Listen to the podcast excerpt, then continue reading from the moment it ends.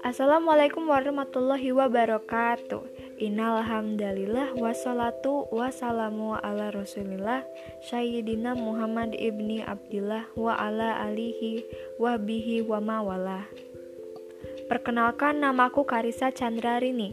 Dan hari ini di audio podcast ini Saya, aku mau membawakan sebuah topik Hal yang pertama, hal yang pernah pertama kali masuk dalam otak saat mendengar kata kaya raya atau kaya itu apa biasanya? Uang kah? HP bagus? Rumah besar? Atau yang lain? Hal-hal seperti itu pasti terpikir kalau kita melihat tuh pengen gitu. Wah, mau dong. Bismillah, insya Allah tercapai, inginnya tercapai. Pasti dong, bukannya menginginkan barang-barang mewah itu salah. Kalau itu impian kita, ya kejarlah. Berusaha dengan giat, berjuang, dan dicapai dengan cara yang halal. Kita juga tidak boleh sombong. Nah, itu not pertama. Kedua, ingat bahwa kesenangan dan barang-barang mewah ini yang ada di dunia itu bisa rusak, bisa hilang, dan kita tidak akan membutuhkan ini semua di akhirat. Semuanya itu sementara. Yang akan digunakan di akhirat itu adalah iman-iman kita, amalan-amalan baik yang kita lakukan di dunia. Itu yang kita perlukan. Itu yang paling penting, yaitu kebaikan kita, juga perlakuan baik maupun buruk kita di dunia. Itu semua akan digunakan di akhirat. Ada dua tipe orang kaya. Pertama, kaya tapi pelit. Dia punya semuanya, tapi memilih untuk menyimpannya buat dia sendiri. Dia tuh sombong, pelit, egois, dan lain-lain deh. Nah, yang kedua itu sebaliknya. Kaya tapi dermawan. Dia kaya tapi suka berbagi kekayaannya. Dia sadar kalau dia punya semuanya, dia juga harusnya berbagi pada orang-orang yang tidak punya apa yang dia punya. Dia suka berzakat, bersedekah, suka bantu-bantu seperti ikut membantu membiayai pembangunan masjid, mendonasi, membantu anak-anak panti, dan lain-lain. Lebih mending mana? Yang kedua dong, mana mungkin kita lebih suka orang yang bertipe pertama itu.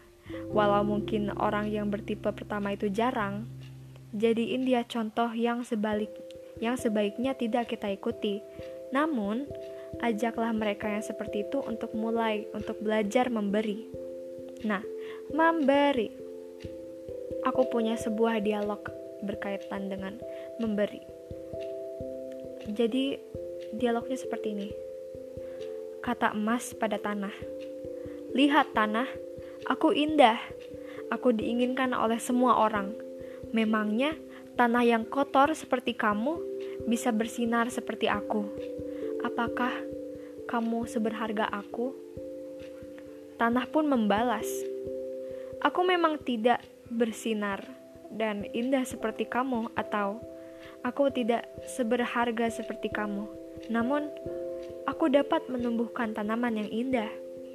Aku membuat mereka senang dengan menumbuhkan tumbuhan bunga-bunga yang indah. Aku bermanfaat bagi untuk banyak orang." Emas pun merenung mendengar perkataan tanah. Arti dari dialog di atas, ada orang yang hanya peduli dengan jumlah uang, keindahan, tampang rupawan, namun dia kalah sama orang yang suka atau kaya memberi dan bermanfaat bagi orang banyak.